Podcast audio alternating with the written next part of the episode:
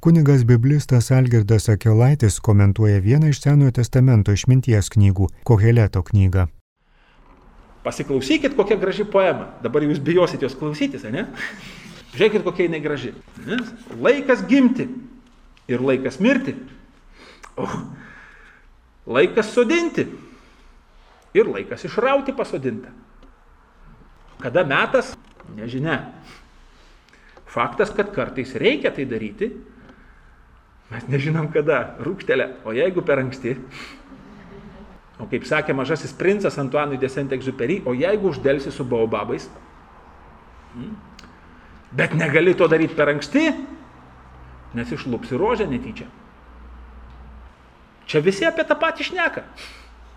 Hmm, žiūrėkit. Laikas nužudyti ir laikas išgydyti. Laikas išgriauti ir laikas pastatyti. Bet kada, aš jums garantuoju, žinokit, visiškai neaišku. Hmm? Laikas verkti ir laikas juoktis. Kas irgi visiškai nepaklūsta žmogui, taip? Nes jeigu aš juokiuosi tada, kai yra metas, tai reiškia, aš vaidinu, taip? Arba jo labiau, jeigu aš pradedu verkti tada, kada reikia. Įsivaizduokit, pavyzdžiui, jeigu pas mane parapijoje žmonės žinotų, kad aš per laidotuvės verkiu, nes reikia. Nu. Įsivaizduokit, kaip gražu, ne? Atvažiavo kunigas laidot žmogaus ir susigaudino, žinai, per laidotuvės. Verkia, žinai, laidojo žmogų. Įsivaizduot, kaip giminėm patiktų. Tai aš čia taip trupučiuką irgi ironizuoju, žinai, bet tai yra iš tikrųjų dalykai, tai mes vadinam šitos dalykus, taip filosofiškai sakom, tai yra egzistencinės patirtis. Žodžiu, tai yra tokie dalykai, kurių mes nevaldom ir jie mus ištinka apimdami visiškai. Tai prasme, mes negalim valingai sakyti, nu, vadžinai, dabar aš čia liūdėsiu, dabar aš čia džiaugsiu, čia dabar aš verksiu, čia dabar aš, žinai, mirsiu. Tai yra egzistencinės patirtis, jos mus ištinka. Hmm? Viskas, ką mes galim, tai turbūt tik tai, nu, arba priimti, arba neikti tuos dalykus, žodžiu. Nu. Hmm. Dar, ne? Žiūrėkit. Laikas raudoti ir laikas šokinėti. Jėzus beje apie tai kalba, ne? Sako, apie tos vaikus. Sako, mes jums grojame raudas, Ir jūs neraudojate, mes jums grojame giesmės ir jūs nešokote, ne? Laikas išmesti akmenis ir laikas surinkti akmenis. Čia irgi labai įdomu. Ką reiškia tas akmenų mėtymas? Gali būti, kad čia iš tikrųjų yra aluzija į užmėtymą akmenim. Prasme, kad yra laikas įvykdyti bausmę. Ir kita vertus yra laikas surinkti akmenis. Tai man atrodo, jūs gal net ir patys esat matę, kad po šiai dienai pas juos yra paprotys likęs ant mirusio žmogaus palaidomo vietos dėti akmenis. Karalių laikotarpiu tai buvo iš tikrųjų didžiulis paprotys, palė Jeruzalė ten net išlikę tokie yra kalneliai, tokie, kurie dabar pakasa biški po žemėm. Pasirodo, kad ten žiedais sudėti akmenys. Žodžiu, gali būti, kad tai vat, karališkos palaidojimo vietos ir tenai buvo paprotys nuo labai senų laikų ant tos palaidojimo vietos dėti akmenis. Žodžiu. Nu, kas dabar išlikė tokių paprastų, ten keli akmenukai būna padėti pas juos anatkapiu, bet tai yra labai arhaiškas paprotys. Žodžiu, tai būtų tada, ne, kad reiškia, yra laikas, kai reikia nubausti, o yra laikas, kai reikia parodyti gailestingumą žmogų palaidojant, jeigu jo tiesiog nėra kas palaidojo. Hm? Laikas apkabinti, ir laikas būti toli nuo apkabinimo. Reiškia susilaikyti nuo to apkabinimo. Kas irgi baisiai sunkiai kontroliuojama, ne? Laikas ieškoti ir laikas pražudyti. Laikas sergėti ir laikas išmesti. Laikas perplėšti ir laikas susiūti. Čia irgi labai įdomus sakinys. Nu, kaip jūs, pavyzdžiui, prisimenat, kas Biblijoje labai dažnai plėšoma yra, Evangelijose, pavyzdžiui. Drabužiai, jo, ne, tai yra iš tikrųjų tai yra gedulo ženklas. Nes netgi ir tas, kuris papiktintas, ne, perplėšia drabužius, tai iš esmės tai yra gedulo veiksmas. Ta prasme, kad jis sako, man labai labai dabar yra gaila, kad laužoma teologija, ne, žodžiu, jis sako, ne. Nu, va, bet tai yra gedulo ženklas iš tikrųjų, persiplėšti drabužius taip, kad persiplėštum širdį. Hmm? Žodžiu, yra laikas gedėti. Ir kita vertus yra laikas gyjimui. Yra laikas, kai tie drabužiai, kurie buvo perplėšti, turi būti susiūti. Jeigu čia tokia aliuzija, tai tada labai graži. Tada pats baisiausias, ne, laikas tylėti ir laikas byloti. Kol liežuviu būsi išgelbėtas, liežuviu būsi pražudytas. Laikas mylėti ir laikas nekesti. Laikas karo ir laikas taikos. O čia jeigu jūs pasižiūrėtumėte į Tolkieno kūrybą, ypač į Žiedų valdovą, kurį jisai rašė antro pasaulinio karo metais ir todėl nu, daug kas sako, kad Žiedų valdovė yra užrašyta vat, antro pasaulinio karo pradžios situacija. Tokių aluzijų ten labai nemažai yra. Nes kalbos tenai, ypač Gendalfo, žodžiu, labai susišaukė su Čerčilio kalbom tuo metu. Nes Čerčilis sakė, ne, sakė, jūs norit taikos savo neveiklumu, jūs visi pražūsit. Yra laikas karui, mes turime ruoštis karui ir turime eiti į karą, nes jeigu mes tikėsimės, kad mums nieko nedarant, čia situacija kažkaip pamaitinsim tą monstrą ir jisai nusiramins, sakė, neturėkite iliuzijų, mes turime ruoštis karui. Hmm? Ir buvo visiškas priešas ten visų, ne? nes visi norėjo taikos. Hmm? Įdomu. Nu va, ir jisai sako, kadangi viskas yra pažymėta va tokiu laiku, ta prasme, kad mes realiai darom visus šitos dalykus, darom juos, bet neaišku ar teisingai, jisai sako, kokia vertė darančiojo tame, kas jo varginantis triusimas, kas tada išlieka iš to. Mačiau prievolę, kurią davė Elohim sunums, va šito Adam, privalėti joje. Ir jisai sako, aš mačiau dar vieną privalomą dalyką, kurį vat, mes privalome. Žiūrėkit, koks tai yra įdomus dalykas. Jis sako, visą padarė gražu, laiku jo. Kas yra ta prievolė? Jisai sako, šitam žmogui, kuris nesugeba net meto nuo laiko atskirti, Dievas davė dar vieną prievolę. Jis įdėjo jam į širdį amžinybę. Šitam aklam kačiukui, kuris nesugeba net atsiskirti, kurią valandą ką daryti, tu Dieve į širdį įrašiai amžinybę. Kur buvo tavo protas? Kodėl? Kodėl žmogus, kuris nesugeba netgi susiskaičiuoti va šito laiko, kuriame gyvena, kodėl jam įdėta va dar šita prievolė, šitas ilgesys, kad jis negali nustoti ilgėtis amžinybės? Gražu, ne? Tik skauda rūkštelė. Bet šiaip gražu visai. Hmm? Ne? Be to, ko neranda Adam. Žodžiu, kad tu įdėjai į jo širdį amžinybę, o jis net nesupranta to dalyko, ne darimą, kurį daro Elohim nuo galvos iki pabaigos. Žodžiu, kad tu įdėjai žmogui į širdį tai, kas yra tikrai panašu, kad dieviška amžinybė, o žmogus net savo tikroviai nesugeba suvokti tavo veiksmų pradžios ir tavo veiksmų pabaigos. Jis nemato, kur tu Dieve pradėjai veikti ir kur tu baigiai veikti.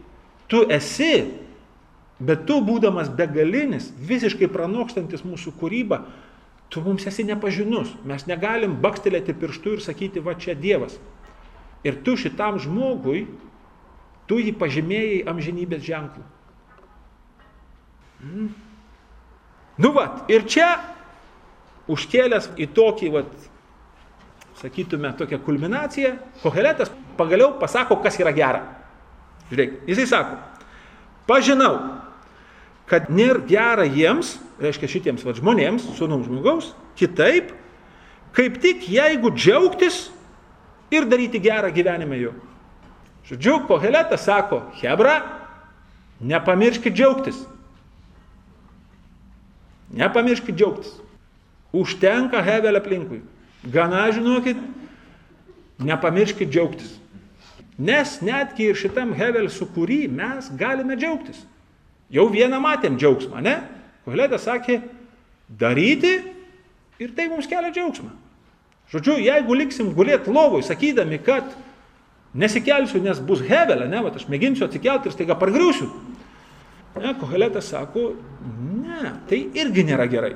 Neveiklumas hevelio akivaizdoje nėra sprendimas. Daryti reikia. Iš to greičiausiai nebus nieko gero.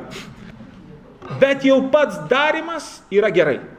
Ir gali būti, kad tai netgi teiks tavo širdžiai džiaugsmą. Man atrodo, kad geresnio dalyko mes net negalim tikėtis. Pats koheletas tai sako. Jis nesako apie kitą. Su kitu, tai matai, čia jau su kitu mes atsiriamėm į tą meto ir laiko problemą, nes vaikeli, kam nors, va, pavyzdžiui, aš atvažiavau, galvojau, kad aš jums kažką gero padarysiu. Tai va, o gavosi kaip visada, žinai. Hevel. Žiūrėkit, aš dar noriu Jums parodyti. Iš tikrųjų, Koheleto knygoje yra ar keturios ar penkios vietos, kur Koheletas vėl grįžta labai labai nuolankiai ir labai labai siaurai, kalbėdamas apie tai, kas yra pasaulė, vis tik tai apie kai kuriuos dalykus jis nesako Hevel. Ir jisai netgi sako, kad tai yra gera. Pažiūrėkit, antram skyriui 24 eilutė. Ne, pasižiūrėkit. Sako, nėra gera žmoguje tai, ką valgo ir geria. Žodžiu, Koheletas mėgina pasakyti, kad valgymas ir gerimas šiaip yra visai geri dalykai. Bet jisai sako, šitas gerumas, jisai ne iš žmogaus kyla. Tai, kad valgyti yra gerai ir gerti yra gerai, tai čia ne žmogaus yra sumanimas. Jisai sako, tai Elohim. Hmm? Ir daro, kad matytų gyvasti jo gerą, varginančiame triuse jo. Va tai koheletui irgi yra gera. Ne tai, kad aš dabar kažką tai darysiu ir automatiškai tai bus gerai, kad aš darau. Ne, ne. Reikia dirbti su savo gyvastim. Aš darau kažką tai ir kartu turiu darbuoti su savo gyvastim daryti, kad mano gyvastis matytų tai, kas gera tame, ką darau. Nes tik dirbti aklai ir sakyti, kad va jau čia dabar tai bus gerai, nu tai irgi taip nevyksta. Nes savo darbuotę galima džiaugtis arba nesidžiaugti. Ir Koheletas sako, kad tai yra toks veiksmas, kad reikia savo gyvasti daryti, kad jinai džiaugtųsi. Daryti, kad jinai matytų gerą tame, ką darau. Hmm? Ir žiūrėkit, taip pat šitai mačiau aš Visur kitur jisai sakydavo Hevel. O čia jisai sako, taip pat šitai mačiau aš, kad iš rankos Elohim šitai. Jisai sako, tai Dievo tvarka. Kad valgyti ir gerti yra gerai, yra Dievo tvarka. Todėl jisai sako, valgyk ir gerk, nes tai šiaip yra gerai. Nepamiršk valgyti. Čia labai rimta, žinokit. Aš atsimenu, kai aš nuvažiavau į Romą studijuoti, mums ten toks dėstytojas, mūsų kankintojas, pirmo kurso, žodžiu. Nes mums ten pirmais metais tai buvo, mes mokėmės, matėm dvi knygas, vieną vienoje, kitą kitoje, buvo žalia ir mėlyna, žodžiu, ne? Hebrajų ir graikų kalba. Septynias dienas per savaitę. Tai mes atėjom pirmą paskaitą ir tas dėstytojas sako, aš jums pasakysiu, kaip būti gerai studentais. Gerai valgyk, gerai mėguk, biški melskis. Ne, Jis sako, tu išmoksi hebrajų kalbą. Nieko nesakė apie tai, kaip studijuoti. Svarbiausia, sakė, gerai valgyti. Tada gerai mėgot ir biški melstis reikia. Sakė, tu išmoksi hebrajų kalbą. Aš kažkurį vieną praleidau, matyti, žodžiu. Porą dariau, kažkurį vieną pramazinau. Todėl ir neišmokau. Hmm? Žodžiu, jeigu jūs atsakau, tai pamėgintumėte atidžiai perskaityti Koheleto knygą, tikrai vat, pamėgindami fiksuoti, vat, o kur jisai nepasako Hevel ir vat, kur jisai sako, kas yra tikrai gera. Tai jūs pamatytumėt, kad Koheleto tezė yra tokia labai paprasta. Jisai sako, gera yra valgyti ir gerti, bravo. Gera yra tai, kad mes galime daryti, jog mūsų gyvastis matytų, kas gera tame, ką mes darom.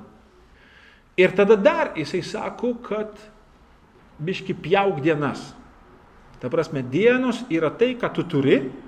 Ir jis ten 12 skyrių labai gražiai sako, jaunystė yra hevel. Ta prasme, kad jaunystę mes labai dažnai žiūrim kaip į lūkesčio laiką. Mes kuriam planus. Ir jisai gali būti, kad Koheletas sako, nešvaistyk laiko projektuodamas ateitį, kas su tavim bus. Dabar gyvenk. Dabar gyvenk negaišk, kaip dabar čia su tuo kelaičiu sėdi. Galėtum geit ir kažką veikti normaliai, supranti.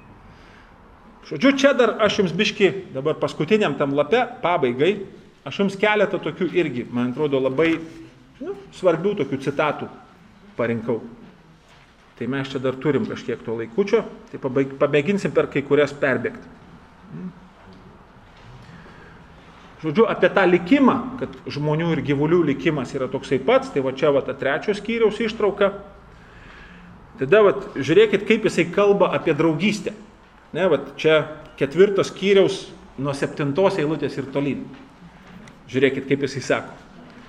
Ir grįžau aš ir mačiau Hevel po saulę. Tai sako, mačiau dar vieną absurdą. Ir vienas, ir nėra antro. Ne, žodžiu, kaip gražiai ir elegantiškai pasakyta, kad žmogus patiria vienišumą. Ta prasme, jis kaip ir yra vienas, viskas aišku, bet kad žmogus turi šitą ilgesį, kuris jį pranoksta, kad jis visa savo esybė yra nukreiptas į kitą asmenį ir tiesą sakant, pilnatvės niekad taip ir nepatiria, kol jam kito asmens akivaizdoje, kaip sako didysis buberis, nėra pasakoma būk priemu tave tokį, koks esi. Hm? Tipru, ne? Na, žodžiu, ir vienas, ir nėra antro. Hm? Taip pat sunaus ir brolio nėra jam. Ir nėra galo visam varginančiam triūsų jo. Taip pat jo akis nepasotina turtu. Ir kam aš varginančiai triusiu. Ir darau, kad stiktų gyvasti mano iš to, kas gera. Ne? Žodžiu, reiškia, aš triusiu, kažką tai vat, uždirbu, betgi taupau tam, kuriam perduosiu po savęs. Kokia tada man nauda, jeigu aš net neturiu kam perduoti? Čia žinot, mano lietuvių kalbos mokytoja profkiai, žodžiu, labai beje rimta mokytoja, o vaikeli, grand asmenybė, žodžiu. Tai kažkaip, nu ten mes kažkokį rašinėlį rašėm, žodžiu, apie tai maždaug, nu, vat, kad čia, žinai, kaip mums duodama dovana, kaip čia, žinai, vat, negražu, kad mes jos nepriemam. Ir jinai kažkaip taip, aš taip po to tik kažkaip atsilūkštenau, žinai. Jinai sako, bet sako, žinokit, yra dar baisiau, kai tu kažkam ištiesi ranką duodamas ir va to, ką tu duodi, nu, tai lieka nepriimta. Tai aš tik po to supratau, kad čia galbūt, žinai, ir jos toks egzistencinis šauksmas buvo maždaug, kad va, aš jums mokiniams visą save atiduodu, o jūs bašibuzukai, žinai, su savo marazmais čia. Toks, žinai, buvo širdies šauksmas jos. Na, rimta. Žodžiu, ir koheletas, ne, sako, kad va šitas mūsų siekis, ne, kažką tai perduoti, kažką tai palikti, tai yra hevel. Ir tai yra bloga prievolė. Tai į mūsų įrašyta, mes šito dalyko siekiam, bet tai niekada negali būti sukontroliuota. Žodžiu, ir, ir koheletas sako, tai hevel yra. Hmm? Dabar biškė apie Dievą. Biškė apie Dievą. Ką Koheletas sako apie Dievą? Žiūrėkit. Nuostabu. Penktas skyrius. Sako. Gera tai, ko neižadėjai, labiau už tai, ką įžadėjai ir nepadarėjai, kad būtų išpildyti. Čia nuostabu yra. Aš iš to irgi esu nukalęs dėsnį. Kad geriau gyventi apsileidus, negu kvailys įpareigojimai. Žodžiu. Tikrai. Patikėkit manim, aš, aš pagal tai gyvenu. Koheletas sako, ne, taupyk žodžius. Jeigu tu pažadėsi tik tam, kad gražiai atrodytum pažadėjęs, tada jau geriau iš vis net nebūtum pradėjęs kalbėti, nes žodžiai turi pasiekmes. Hmm? Ir todėl jisai sako, geriau tai, ko nepažadėjai, negu kad būtum pažadėjęs ir neįvykdęs. Jau verčiau būk apsileidęs be pažado gyvenk, negu kad, bet vėl kasgi taip sugebėtų gyventi. Čiagi menkystos gyvenimas, ne? Žiūrėkit, kiekvienoje draugystėje, o juo labiau dar kokiu meiliai, jeigu ištinka kokį nelaimingą žmogų. Mes siekiam įsipareigojimų. Mes siekiam. Tai pamatuoja mūsų santykio brandą. Jeigu aš negaliu tavo akivaizdu įsipareigoti, tai koks tu man draugas? Ir kuo aš labiau esu tau bičiulis, kuo aš labiau tave myliu, tuo aš labiau noriu tau įsipareigoti. Iki tiek, kad tie berazumiai, kurie tuokėsi, sako, aš visam gyvenimui noriu tau įsipareigoti. Tai jau čia visai, žinai, reikia gydyti tokius žmonės. Kasgi gali, būdamas, žinai, šiandien pasakyti, kas bus rytoj. O jo labiau pažadėti, kad aš tau būsiu ištikimas. Nu, Jėzus Marija, Jozapai šventas. Hmm? Oi, oi. Todėl jisai sako, te neduosi savo burnos daryti, kad nusidėtų kūnas tavo. Ne? Nesakau, tai, kad tu pasakysi savo burną, čia tai labai greitai. Bet galiausiai nuodėmė dėl tavo neįvykdyto pažado ištiks tavo kūną. Ne? Žodžiu. Ir ten nesakys priešais veidus žinianešio, reiškia angelo akivaizdui. Angelas yra žinienešys, ne? Tai jisai sako, kad Dievo akivaizdui tada bus nueita ir apie tave pranešta, bus pasakyta klaida. Baisus reikalas. Čia net neaišku, kas yra klaida. Ne? Ar klaida tai, ką aš pažadėjau, ta prasme, kad jis pažadėjo ir, ir suklydo, žinai. Ar klaida esu aš pats, maždaug, kad Dieve, tu biškai galvojai prieš jį darydamas ką nors, ar ne? Hmm? Kam pyks Elohim dėl balso tavo ir darys Hevel darimą rankų tavo, ne? Nevertk Dievo ant tavęs pykti savo kvailom šnekom. Ir nereikia, kad Dievas turėtų panaikinti visą tai, ką tu darėjai, nes tu pridarėjai nesąmonių. Stenkis, stenkis. Vis tiek nieko nesigaus. Stenkis. Gražu. Ir tada dar gražiau, jisai sako, kadangi gausume sapnų ir hevel, ir žodžiai gausus. Jisai sako, tie, kurie daug medituoja, tie daug ir priešneka.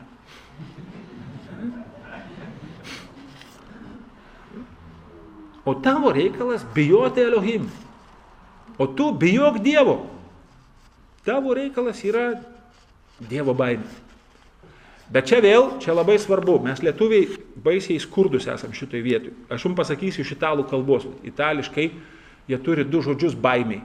Vienas iš jų yra žodis paūra, nu tai vad išgastis itališkai. O kitas yra žodis timore. O vad timore yra labai įdomus žodis. Tai reiškia tokia pagarba, bijant kitai skaudinti. Nu, tai reiškia, kad aš tam tikroj įtampoj gyvenu prieš tave. Nes man rūpi, kad aš tavęs neįskaudinčiau, nenoriu tavęs įskaudinti. Tai va yra tas timorė.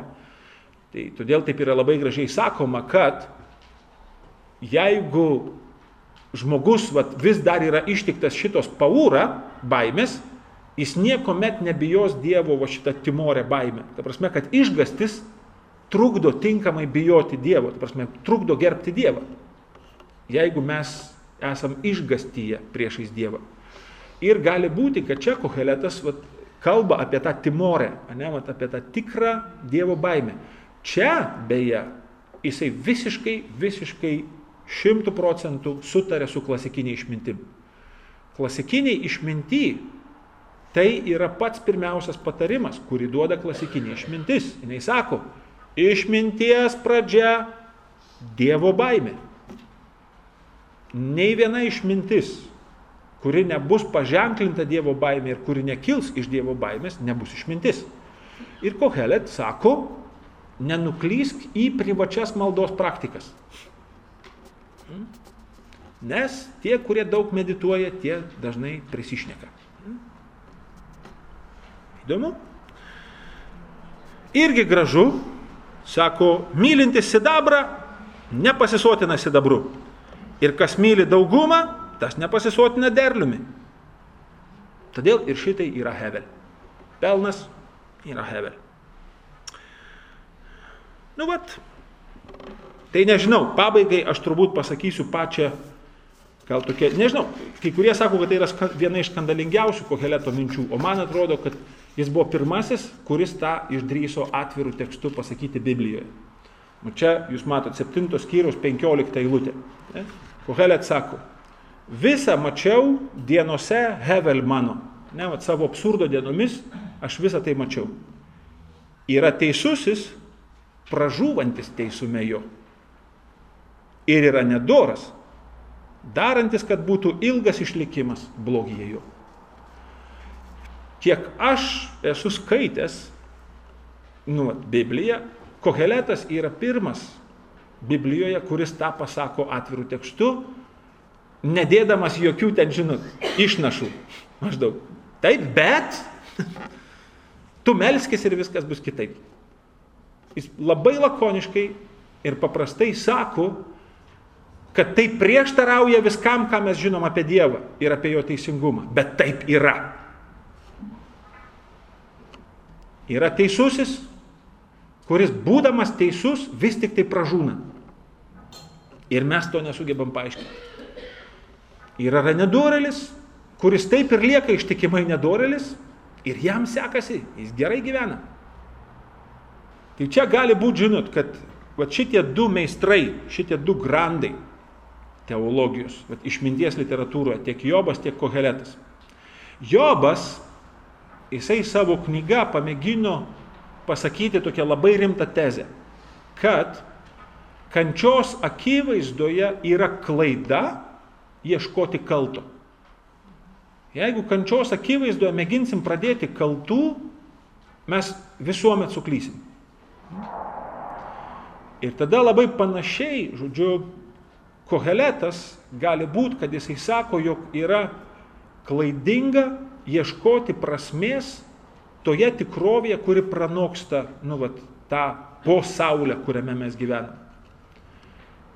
Jeigu mes ir esam pašaukti ieškoti, vat, nu, kodėl mes esam čia, mes to turim ieškoti čia ir dabar netidėliodami to maždaug klausimo tam, apie ką mes iš vis nežinom, ar tai bus.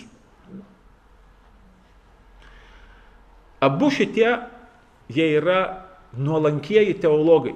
Ta prasme, jie sako, kad mes kažko negalim pasakyti. Ir tai yra, man atrodo, labai labai gražu ir rimta. Tikrai žinokit, aš jums pasakysiu, Koheletas yra pagodos knyga. Ta prasme, kad jis biški nudrasko kai kurias dekoracijas ir mūsų įsivaizdavimus, ir tada biški sopa, bet jis po to ištikimai pereina ir viską subintuoja. Bet jau tada kai kur sparnai nebetauga, žodžiu. Ir man atrodo, tai yra labai gražu. Labai gražu, nes jisai kalba tikrai apie šitą tikrovę, kurioje mes esame. Koheletas šituo atžvilgiu yra labai labai patikimas.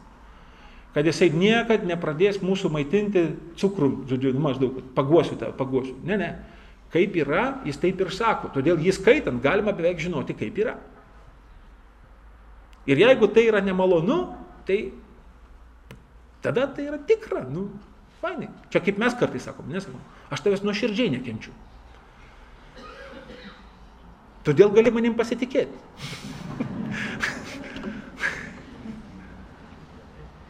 Paprastai ir tas, kuris rašo, hm, Ir tie, kurie vėliau tikrina, nu, atsprendžia, ne, ar vis tik tai šita knyga yra patikima tikėjimo ugdymui, jie paprastai visi yra labai blaivų žmonės.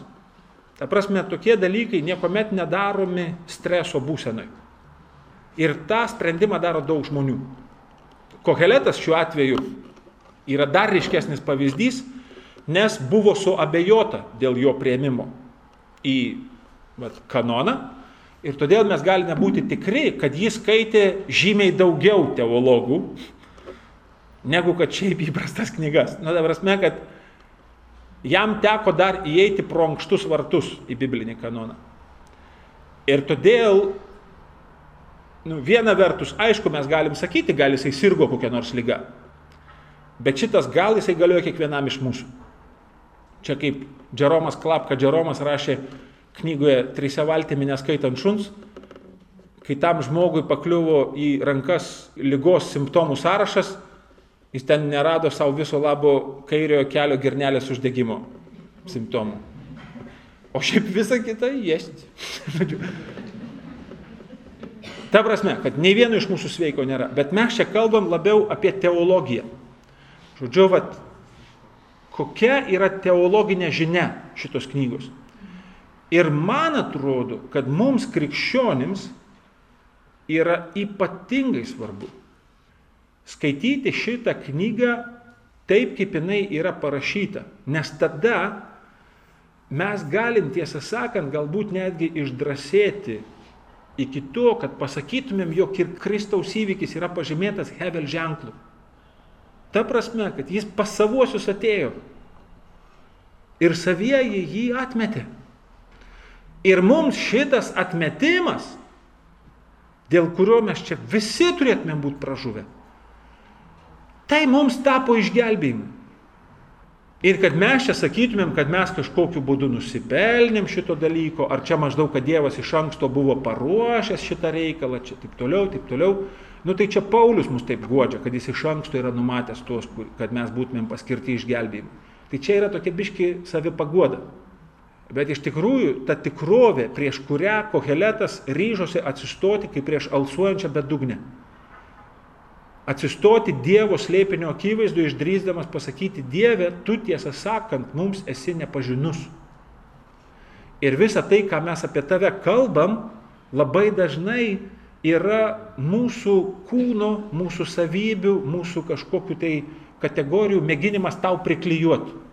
Kad tu biški pridengti tą alsuojančią bedugnę nuo savęs, tokiu atvaizdu kažkokiu tai. Nors tu ir draudėjai aiškiai šitą dalyką daryti. Bet mes vis tiek tai darome, nes mums žiauriai nepatogu ir ten baisus kersveis. Koheletas, jis yra be galo drasus šiuo atžvilgiu. Ir nu žinot, kaip su tais drąsiai žmonėm yra. Tik pabandyk su jais kur nors išeiti. Iškart pasijusiu, kad nuogas. Taip yra. Nes tas drasus, jisai žinot, kaip, kaip apie mane vieną kartą pasakė vienas. Sako, tuo kelaitį su tavim neįmanoma važiuoti evangelizacijas. Nes sako, tu nuvažiuoji, tu išstoji ten liūdėti apie kokią nuodėmę, tai paimi žinai nuo savęs visus drabužius. Na, na, na, aš nuogas, aš nuogas, tada nuo visos komandos irgi drabužius. Prik, prik, prik, o mes nuogi, mes nuogi, žinai. tai sako, su tavim, sako, neįmanoma važiuoti. Tai va, čia man sakė šiandien irgi liūdit, tai aš neliūdysiu, nežinau, kaip mes čia visi nuogi išeisim, žodžiu. Geriau jums, kad aš neliūdyčiau, žinokit čia bus blogai baigsis mums čia. Ne, ne, ne, aš jūsų neliūdinsiu. Ne, nepradėkim, žodžiu, netampykit liūtą už jūsų. Aha, jo, žodžiu, dėl to žodino koheleto. Koheleto žodynas, tiesą sakant, yra labai išpuoselėtas. Ir ten tie žodžių pasikartojimo skaičiai toj knygui yra ypatingai svarbus, žodžiu. Ir man atrodo, kad žodis gera nenusileidžia absurdui. Bet matot, bet čia labai svarbu žiūrėti išsireiškimus. Nes pavyzdžiui, koheleto yra tokie tikrai išsireiškimai, tiesiog kaip frazės, kurie veikia kaip techniniai tokie terminai.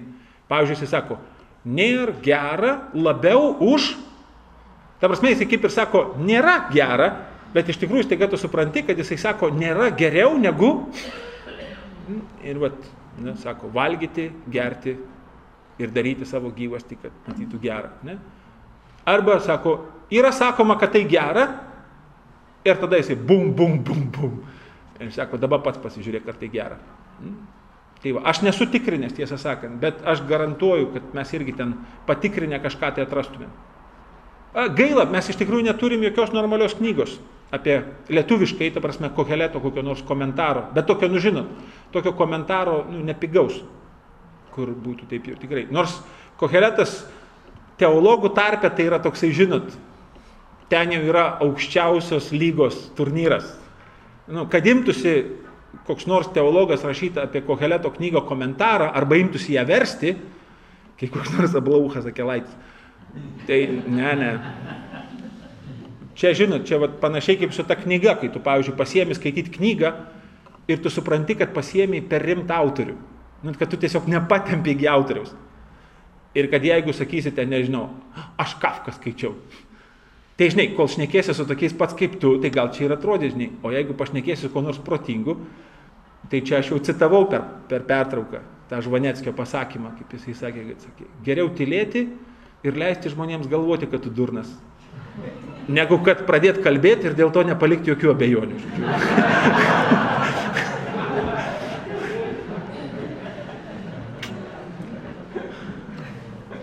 Žodžiu, Tai gaila, iš tikrųjų, kad mes neturim jokio va, tokio nu, įvadėlio, normalaus, ta prasme, tokio biški kietesnio maisto. Apie Koheleto knygą, beje, kaip ir apie Jobo knygą. Tai, va, tai yra tai tikrai tokie du tokie teologiniai šedevrai Senojo testamento, kur labai paradoksaliai, norėdami jo suprasti, mes susipažįstam su visa ta klasikinė tradicija, kuriai šitie du teologai meta iššūkį labai rimtą. Tai toksai labai gražus diskutavimo būdas. Ir tai telpa Biblijoje iš tikrųjų, tai telpa va, šitam daugiabalsiam teologavime, kad jie tiesiog stovi ir ginčijasi. Nes tiesa yra kažkur tai, nu vat, anapus. Kuningas biblistas Algirdas Akilaitis komentavo vieną iš Senojo testamento išminties knygų - Koheleto knygą.